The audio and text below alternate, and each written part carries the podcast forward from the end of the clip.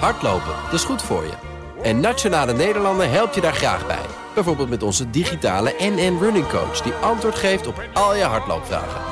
Dus, kom ook in beweging. Onze support heb je. Kijk op nn.nl slash hardlopen.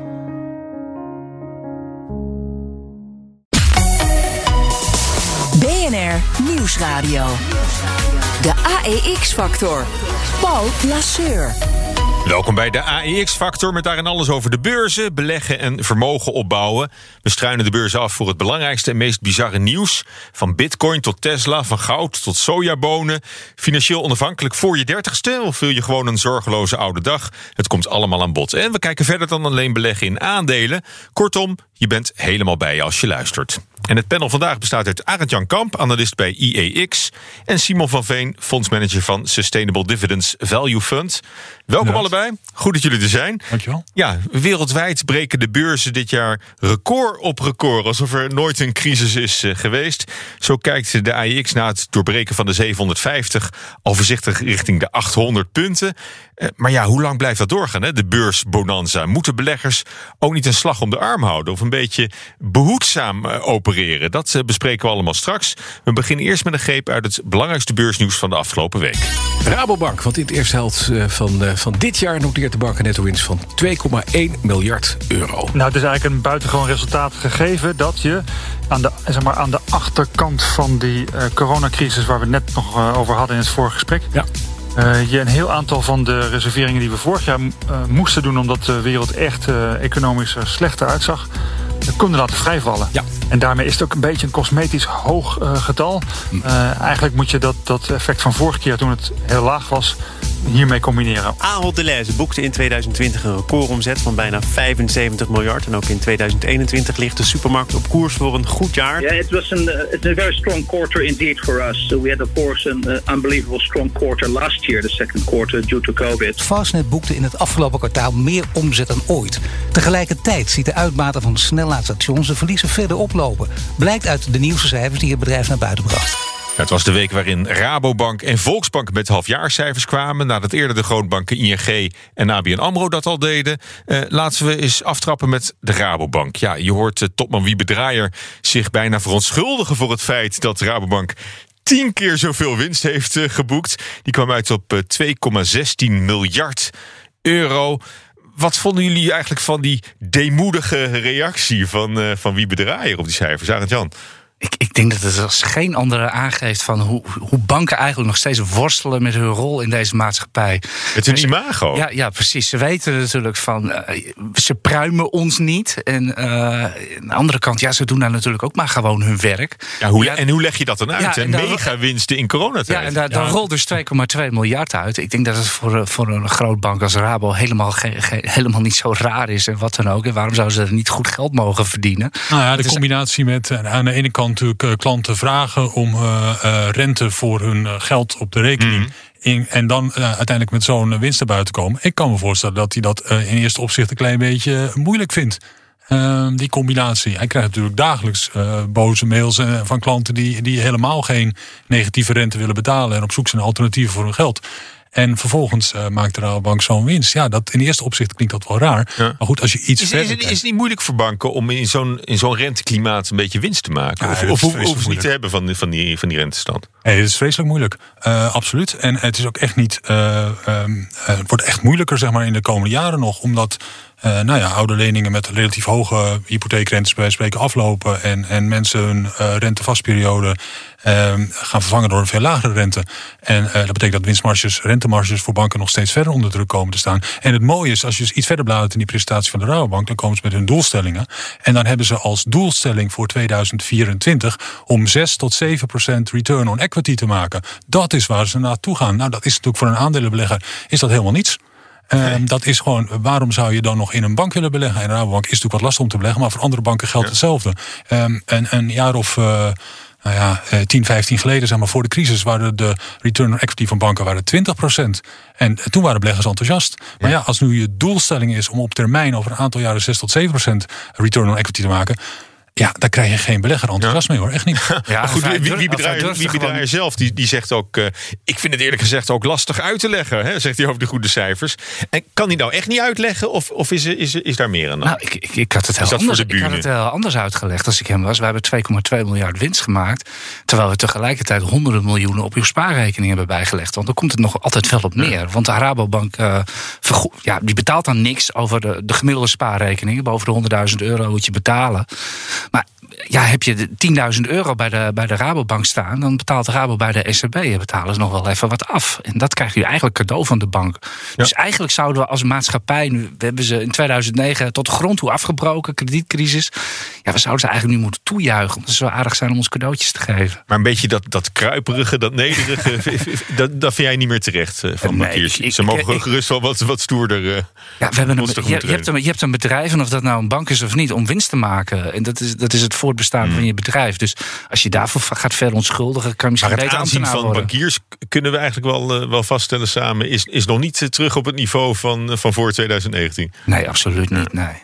Nee, en dat, nou, wat is daarvoor nodig, denk je, Simon? Nou, dat, dat gaat natuurlijk eh, niet zo heel snel gebeuren. Want ehm, ja, veel mensen die, eh, denken in eerste instantie bij banken toch aan inderdaad wat ze krijgen op hun spaarrekening. En, en, en dat zal gewoon heel lang, ja, nou ja, of het nou meer dan half of nul is, maar het is, het is helemaal niks. En daar, daar eh, kopen klanten weinig voor. Ehm, en ja, de ECB zal eerst de rente Dat moeten heeft ze allemaal naar de beurs gejaagd natuurlijk. De Nou ja, precies, precies. En daar komen we straks op, die recordstand op de beurs. Maar dat heeft hier wel mee te maken. Eh, maar de ECB eh, eh, heeft ook niet heel veel haast om de rente weer te verhogen. Dus banken kunnen de rentes op spaarrekeningen ook niet makkelijk verhogen. Dus er is ook gewoon als, niet zo heel veel te halen de komende tijd. Nou ja, we hadden net al de conclusie, als belegger moet je eigenlijk niet bij de banken zijn. Ja, als spaarder hoef je eigenlijk ook niet bij de banken te zijn.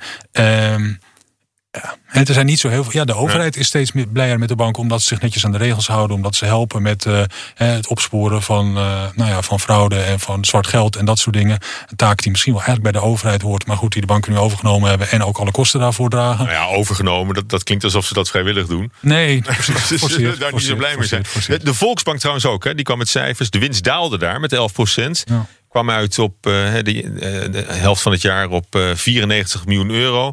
Ehm, ja, volgen jullie Volksbank een beetje? Nee, eigenlijk niet. Wat- je daar nou eigenlijk nog het meeste van meekrijgt, is dat, eh, dat, dat Die naderen de beursgang misschien. Nou ja, maar dat, dat, dat, is eigenlijk, een- dat is eigenlijk een groot vraagteken. Dat geldt natuurlijk ook voor ABN AMRO. Dat is natuurlijk in 2017 terug naar de beurs gebracht.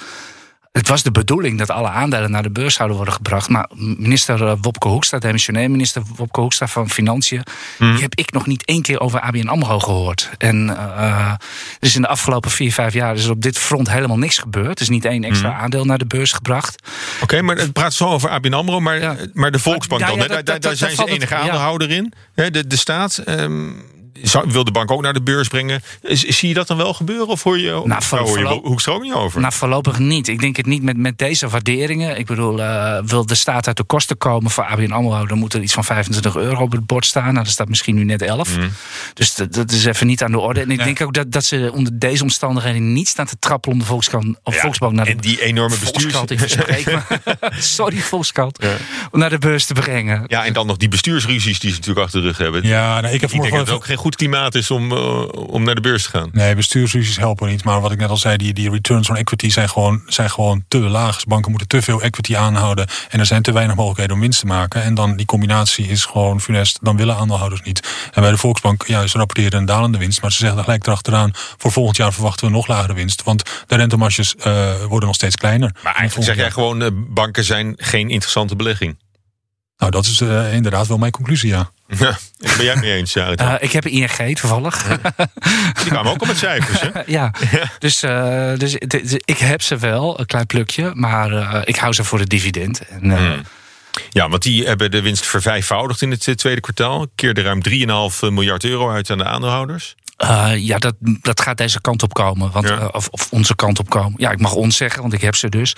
Uh, het probleem is natuurlijk bij die banken... ze mochten natuurlijk een tijd lang... en dat mag nog steeds niet, dividend uitkeren. Nou, Mm. Per 30 september mag dat weer wel.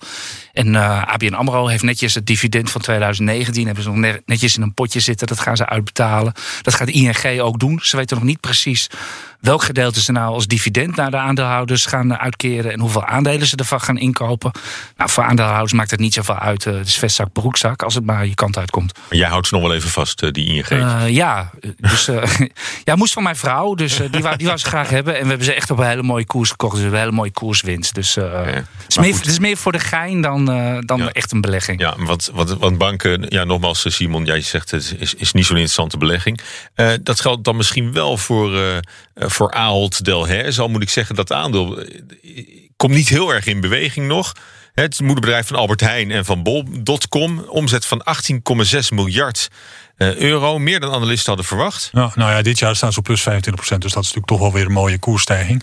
Uh, maar maar, maar het, uh, ja, het klopt dat... Ja, maar in het coronajaar 2020 toen, toen bleven ze redelijk liggen. Terwijl supermarkten waanzinnig profiteerden van al die. Uh, nou, al, die, al die mensen ja, die, dat klopt. Die, die zelf weer bieren en, en, en, en, vorig jaar keken analisten dus een jaar vooruit en zeiden: Goh, dan wordt 2021 qua vergelijking een moeilijk jaar. En, en dat is gebleken, hè, want, want per saldo winstcijfers uh, ja, iets, iets minder florissant dan vorig jaar. Ten opzichte van 2019, hè, dat is dan de vergelijking die het management van Ahold gaat maken. Hebben ze natuurlijk wel weer goed gedaan. En voor volgend jaar verwachten we gewoon verdere groei. En dan mm. met name aan die online kant doen ze het gewoon onwijs goed. En dat groeit gewoon heel snel en uh, daar investeren ze ook veel. Mm. En, en uh, dat, dat doen ze prima. Dus daar is nog wel iets meer te verwachten. waar je verder aan zou kunnen denken is als de inflatie wat verder aantrekt, hè, de inflatie trekt aan. Maar iedereen roept nu, nee, kijk uit, dat is tijdelijk. En uh, volgend jaar is dat wel weer weg. Nou, dat zou Mhm. kunnen. Maar het zou ook kunnen dat de uh, inflatie wat, wat permanenter vorm aanneemt. Als je ziet dat bijvoorbeeld in verschillende bedrijfstakken de, de salarissen stijgen, de lonen stijgen. In de US voorop. werkloosheid is daar gedaald tot gewoon weer een, Mhm. een, een, laag niveau. En dan de volgende stap is dat salarissen stijgen als je nog steeds mensen tekort komt. Nou, Mhm. die, die stijging van salarissen die kan, kunnen de inflatie een wat meer permanent karakter geven. En in, in, in zo'n klimaat doen supermarkten het altijd best wel goed. Ja. Omdat ze daarvoor weten te compenseren. Maar Ahold Delhaize is natuurlijk meer dan een supermarktaandeel. Want ze hebben ook bol.com. Dus ze zijn eigenlijk ook een, een webwinkel. Maar de resultaten daarvan, dat was altijd de kritiek op Ahold. eh, die worden niet helemaal uitgesplitst. Uh, nee, dat doen, ze, dat doen ze nog Doen steeds. ze dat nog steeds niet? Nee, bij mij weten ze niet. Ik ben, ben niet helemaal op de hoogte van de details van, van, de, van, de, van de rapportages. Maar ik zag wel een mooie groei bij, uh, bij bol.com. En dat was natuurlijk de grote vrees. Een paar jaar geleden nam Amazon uh, nam een supermarktketen in de VS over. Mhm. Dat sloeg in als een bom. Van oh jee, de supermarktketens gaan eraan, want Amazon komt eraan. Nou, dat is denk ik allemaal ruimschoots meegevallen. Ik bedoel, ABN, of, jeetje, ik haal het allemaal door elkaar. Ahold Delhaize heeft als geen ander uh, ervaring met concurrentie, prijzen, oorlogen voeren. Dat doen ze al 100, 140 jaar of zo, zo lang bestaan ze. En die hebben ze allemaal gewonnen. Dus uh, Amazon is, is, is echt wel een, een, donkere wolk die boven die markt hangt. Mm. Natuurlijk, maar Ahold is, is mans genoeg om daar zelf ook nog een goede marktpositie ja. uit te halen. En misschien gaat het wel in een, vo, in een voordeel we, uh, werken, omdat zwakkere partijen eruit gaan. Mm. En ik zie, ik zie zelf Ahold als een sterke partij. Ja. Dus, uh, ja, en, de, de, de resultaten, jij zegt het ook al, de resultaten waren prachtig. Het is, het is, gewoon, een, het is gewoon een heel goed concern en de aandelen zijn niet al te duur. Dus, uh, en, en, moet, en moeten ze nog bang zijn voor, uh, voor Gorilla bijvoorbeeld? Of Gorilla's, hoe heet het? Dat is die, die, toch ja. binnen, binnen een minuut thuisbezorgd en, en andere ja, thuisbezorgdiensten? ja, Picnic? Misschien wel, maar van al dat soort partijen die zullen nooit allemaal overleven. Dat, dat, dat kan bijna niet. Ze schieten echt als paddenstoelen uit de grond, dat soort bezorgbedrijven. Het is echt als je hier, ik weet niet hoe het elders is, want ik kom nooit Hm. buiten de ring. Maar uh, hier in Amsterdam, ja, je kan geen 100 meter fietsen of je ziet wel zo'n bezorger. En uh, dat, dat is letterlijk zo. Ja? Dus het is een enorme wildgroei. En, en nogmaals, ik denk dat uh, Ahold heeft, zich, heeft een fantastisch trackrecord wat dit soort concurrentieslagen betreft. Dus ik denk dat ze ja, Ahold heeft ook veel kapitaal om die concurrentie aan te gaan. En uh, dat, is natuurlijk wel, dat is natuurlijk wel heel belangrijk, dat je een lange adem hebt en het lang kan volhouden. En dat is de reden dat ze er nog geen uh, winstcijfers van bol.com publiceren, omdat die misschien nog niet al te goed zijn. Maar het groeit wel heel snel en in, in die zin uh, ja, hebben ze gewoon een heel mooi product. En het is een hele mooie aanvulling naast een supermarktkanaal. En, en het klopt dat die, dat die bezorgdiensten heel ja, heel veel concurrentie ondervinden. En, maar dat klopt ook wat Arne Jan zegt, dat lang niet al die partijen zullen overleven. Dus tien jaar verder zijn, dan zullen het er minder zijn.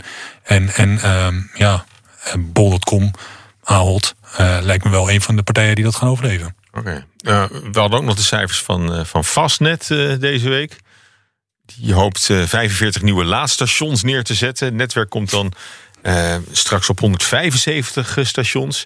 Ik, ik, heb, ik moet eerlijk zeggen, ik zag vast net weer staan. En ik dacht van, god, dat, dat die nog bestaan eigenlijk. Hoe, hoe houden ze dat vol?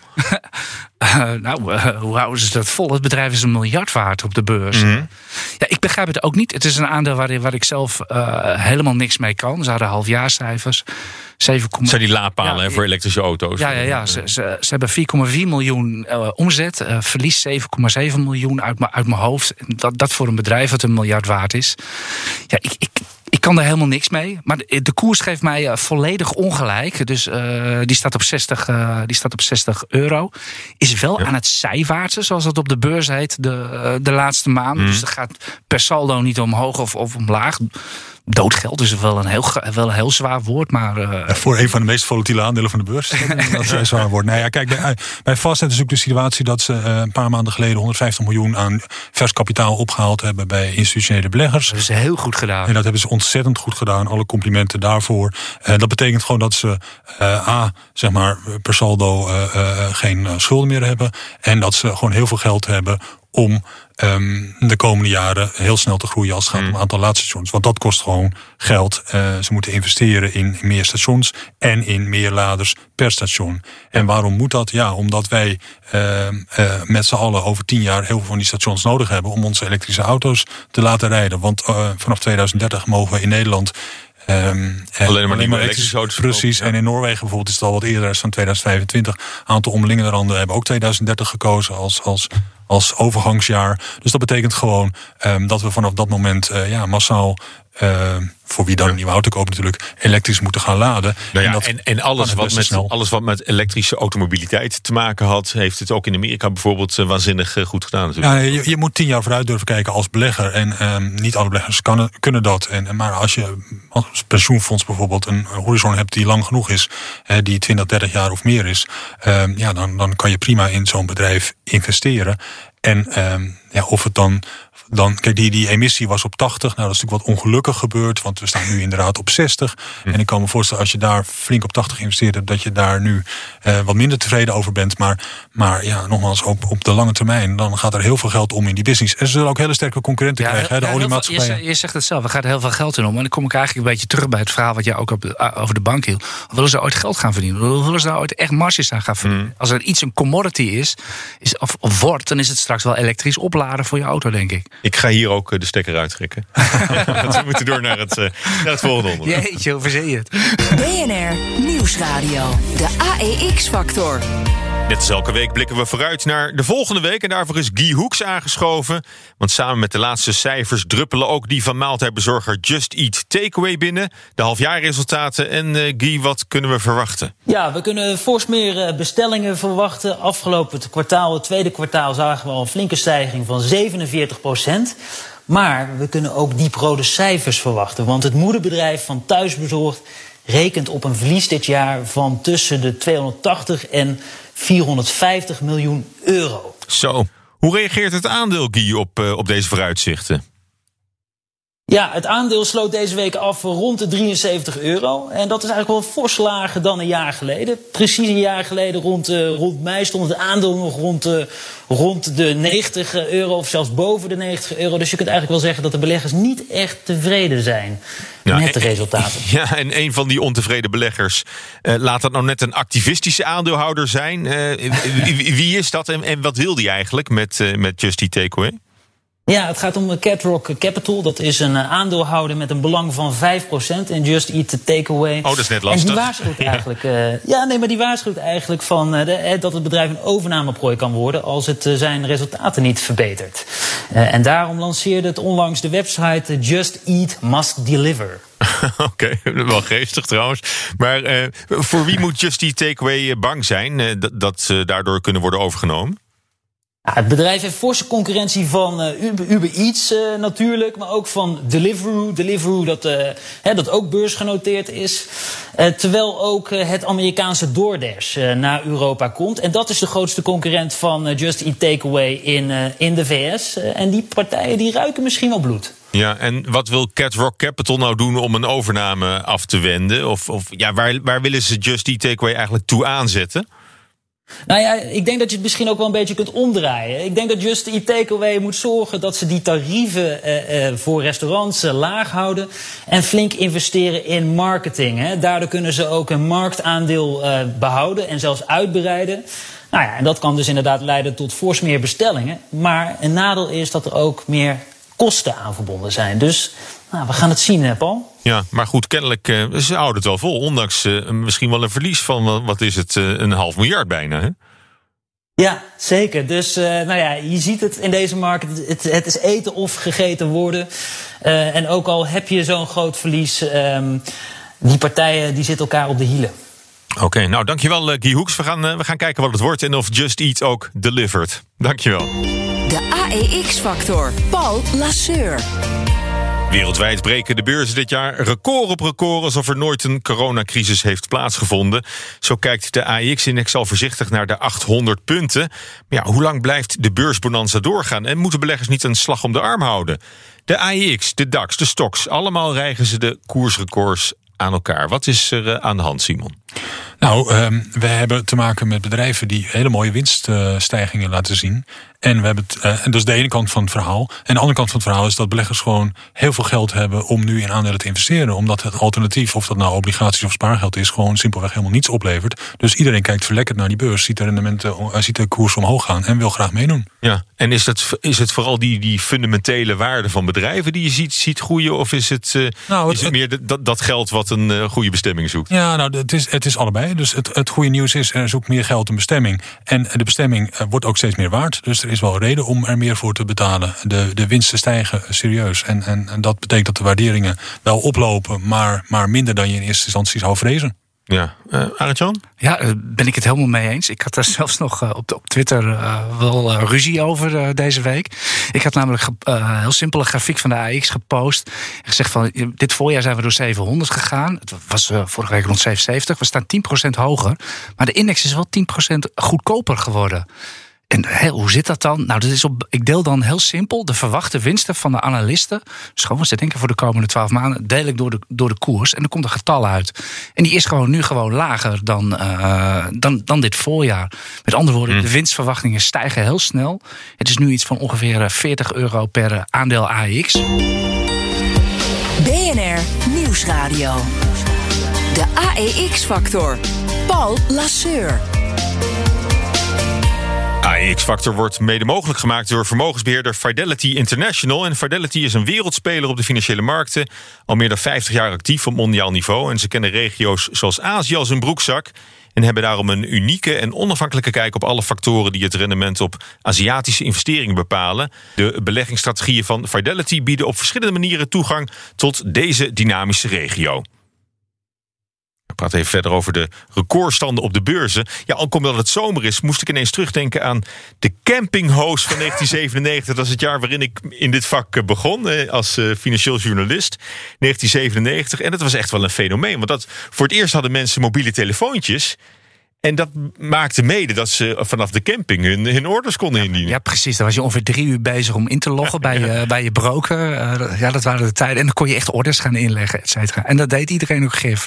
Ja, en, en met als gevolg dat de beurs toen omhoog schoot... door al die particulieren die actief werden... in wat normaal een hele, hele kalme zomerperiode is op beurs. Ja, dat was, dat, dat was de dotcom-hype. Dat is natuurlijk als de dotcom-bubbel de geschiedenis ingegaan. De periode 95-2000 zo ongeveer. Ja, those were the days. Ja, maar de, daar doet het wel een beetje aan denken. Trouwens, ook het coronajaar. Dat ineens heel veel, heel veel particulieren en ook jongeren... die gaan ineens uh, massaal beleggen... omdat ze hun geld niet in de kroeg uit kunnen geven.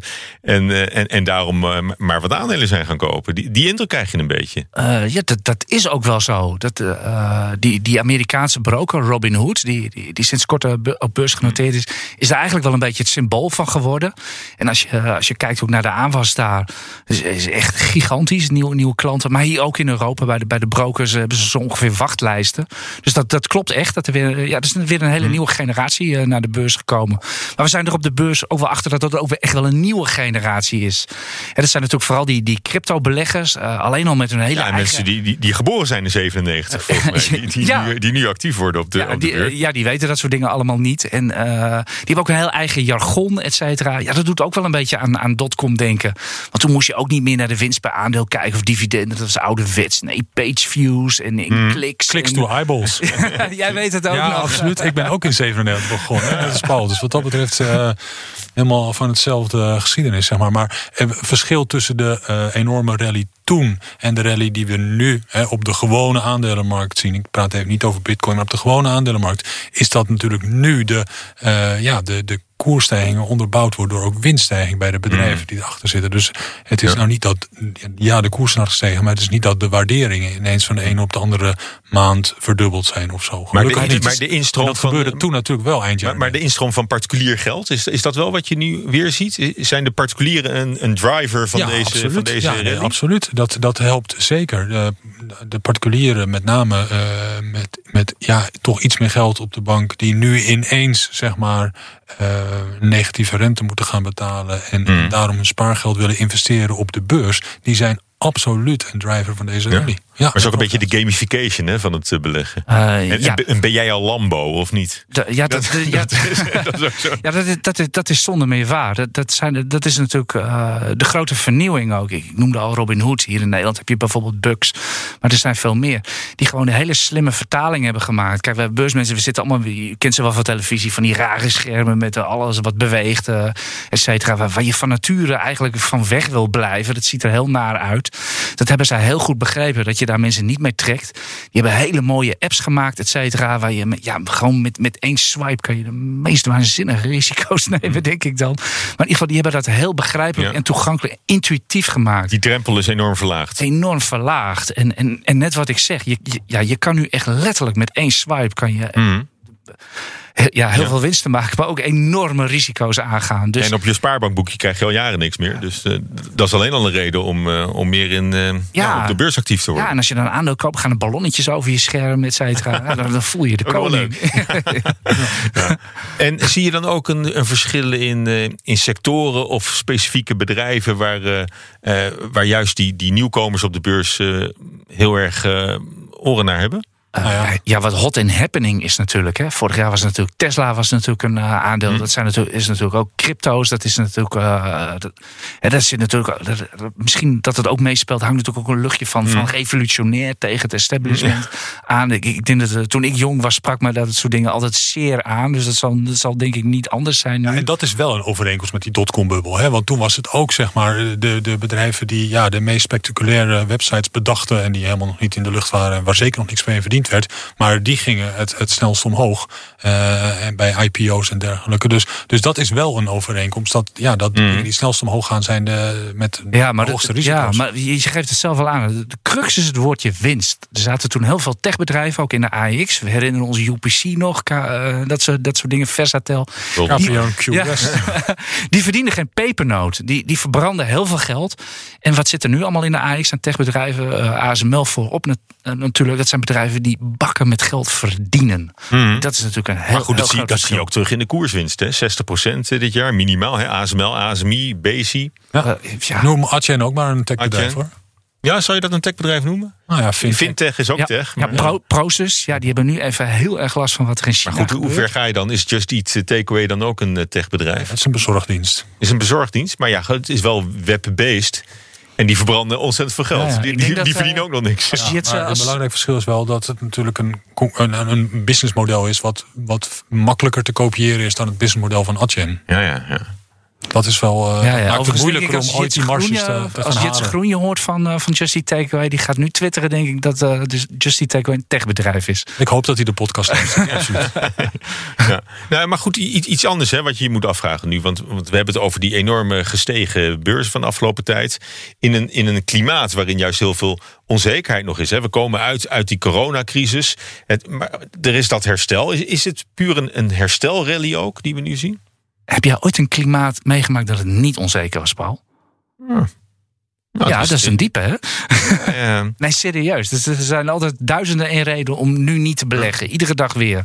Dat, eh, daarom heb ik zelf ook automatische orders. Anders zou het er bij mij ook niet van ko- komen. ja, maar goed, we, we hadden het al, Ja. al, al voor deze opname hadden we het al over Ik, een. eh, ik, is er- ik weet niet of je nu nog van een herstelrally kan, kan, kan spreken. Want die, die, die, hele, die hele kracht van vorig jaar maart, ging 40% van de AX af. Die, die was na een half jaar alweer weer Ja, daar zijn we voorbij. Dus het, wat dat betreft, Dus- het herstel is geweest. We Ja. groeien vrolijk verder. We moeten een andere term hebben. We zijn nu in uncharted territory, Paul. Want het, Ja, de- het, het, het wordt nooit meer zoals het was. Nou ja, er sta- staat, staat zo wat 780 op het bord. En die hebben we nog nooit eerder gezien. Ja, of we moeten in guldens weer teruggaan. Dat, maar dat, Nee, maar de winstgevendheid van het bedrijfsleven is ook nog nooit zo hoog geweest. Dus wat dat betreft, dat matcht weer. Hè. Ik probeer het zeg maar een beetje in perspectief te plaatsen. volledig terecht. Ja. En, en dus, dus die, ja, die getallen van de index, dat is mooi. Maar, maar kijk alsjeblieft naar de, de, de waardering van de onderliggende bedrijven. En dan liever niet naar de historische Mhm. winsten. Liever naar de toekomstige cashflows. Want dat, dat, zegt, dat is meer relevant voor de koersvorming dan de Maar goed, wat, wat, wat als de steunprogramma's van de overheid worden, worden afgebouwd? En als die uitgestelde belastingsschuld alsnog wordt, Ja, eh, kijk, wordt geïnd? die steunprogramma's van de overheid die worden langzaam maar zeker afgebouwd. Maar vooral bij sectoren die weer op eigen benen kunnen staan. Dus, dus wat dat betreft eh, doet de overheid dat volgens mij best aardig. Die, die, die, die bouwen dingen af van bedrijven die, die het nu aankunnen. Die weer een eigen business opgestart hebben. Eh, sommige sectoren zullen ze tot in de eeuwigheid moeten blijven steunen. Noem vooral de luchtvaart. Dat is natuurlijk een beetje een heel, heel moeilijk verhaal. Want met name ja, vakantievluchten zullen wel weer terugkomen. Maar met name zakenvluchten zie ik niet snel weer op het niveau van... eh, van eh, 2019 komen. En eh, dat is toch wel waar veel luchtvaartmaatschappijen, KLM voorop, van afhankelijk zijn. Dus, dus daar zal, eh, zal in lengte tot vandaag zal, zal het moeten, gesteund moeten blijven worden. Maar andere sectoren eh, doen het gewoon weer heel goed. Ja. Volledig mee eens. Je moet, je moet nooit naar eh sec beursstanden kijken. Of ook sec huizenprijzen of wat dan ook. Nee, je moet altijd naar eh, eh, eh, aanpalende factoren kijken. Zowel bij aandelen als ook bij huizen moet je, moet je bijvoorbeeld ook gewoon naar rentes kijken. Dat moet je gewoon echt doen. Ik, ik bedoel, eh, wat is het alternatief voor de AX? Dan maak je nu 2% dividendrendement op. En het is, eh, ja, dan kan je wel in obligaties gaan zitten, maar die doen min 0,5 of 0,4. Dus dat is geen enkele Maar zegt het, zegt, zegt het dan helemaal niks als we straks, eh, wat is het, 780 staan of 800, wie weet?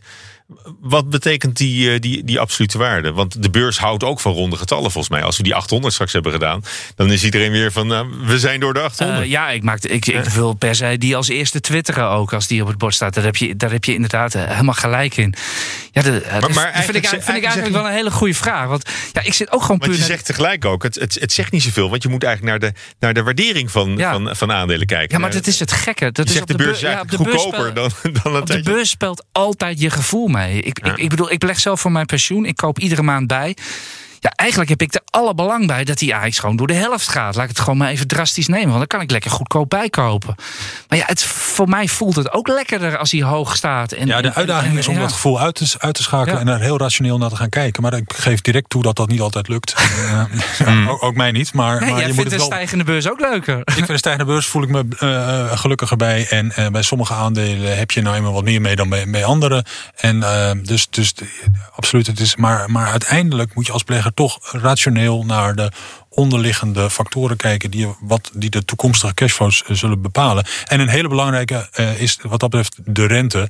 Ehm, want de rente is laag, dus mensen gaan naar aandelen. Maar, maar andersom ook, als de rente gaan stijgen, dan gaan mensen misschien weer wat terug naar sparen of naar obligaties. Maar ook de eh, toekomstige eh, winsten, cashflows van bedrijven worden tegen een hogere rente gedisconteerd en zijn op dit moment dan minder waard. En dat is het grootste risico voor de aandelenmarkt. Met name die bedrijven die zo snel in koers gestegen zijn op basis van toekomstige winsten die verder in de toekomst liggen, die zullen last ondervinden als de rente daadwerkelijk weer een keer gaat stijgen. We zagen aan het begin van het jaar een klein beetje, hè, toen in Amerika de rente Ja, toen hebben we een mooie waarschuwing gehad. En, ja. toen hebben we een mooie waarschuwing gehad. Gingen de tech-aandelen eventjes hard onderuit een paar dagen. ehm, een paar weken. Maar uiteindelijk, ja, die rente in Amerika is weer terug bij af. En die tech-aandelen staan op nieuwe records. Dus, dus, eh, eh, maar, maar die correlatie is er wel. En dat is gewoon een risico voor eh, nou ja, de komende paar jaar. Dat ergens, weten we, zal die rente gaan stijgen. En dan hebben de aandelen het lastig. Ja, maar Nou ik, ja, denk, ik denk dat het vooral van belang is of, eh, of, de, of de inflatie out of control gaat, zeg maar.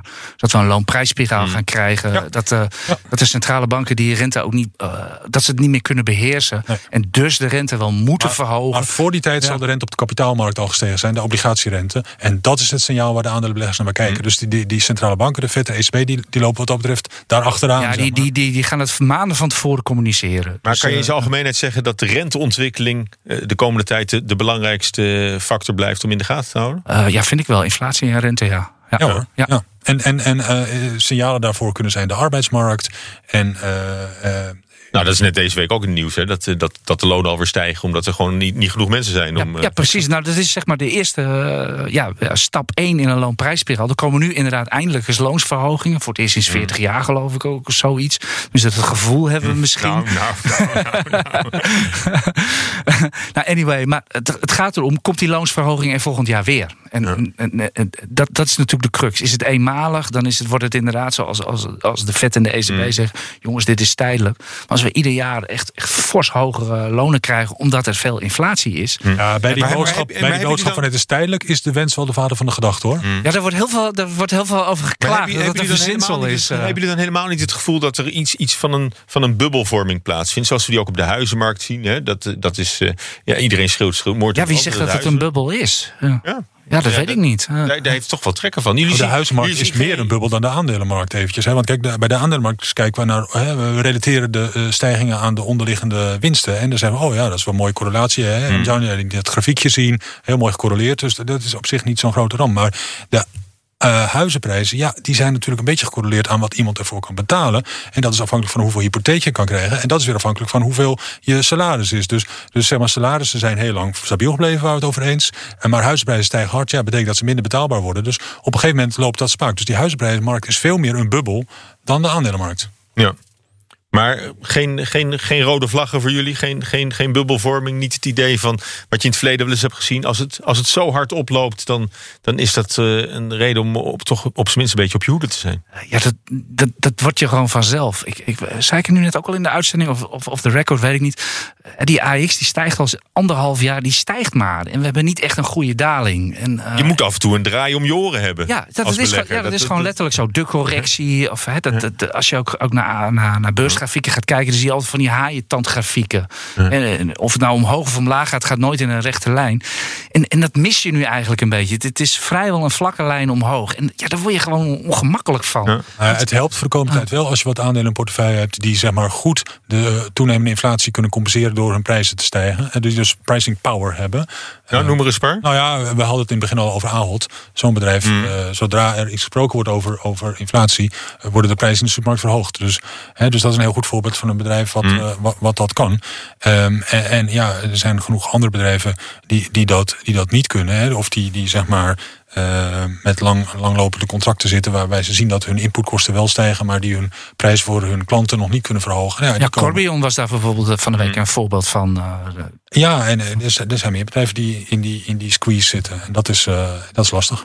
Ja. En wat, wat zijn nou jullie, is altijd lastig hoor, maar wat zijn jullie verwachtingen zo'n beetje voor de AX dit jaar?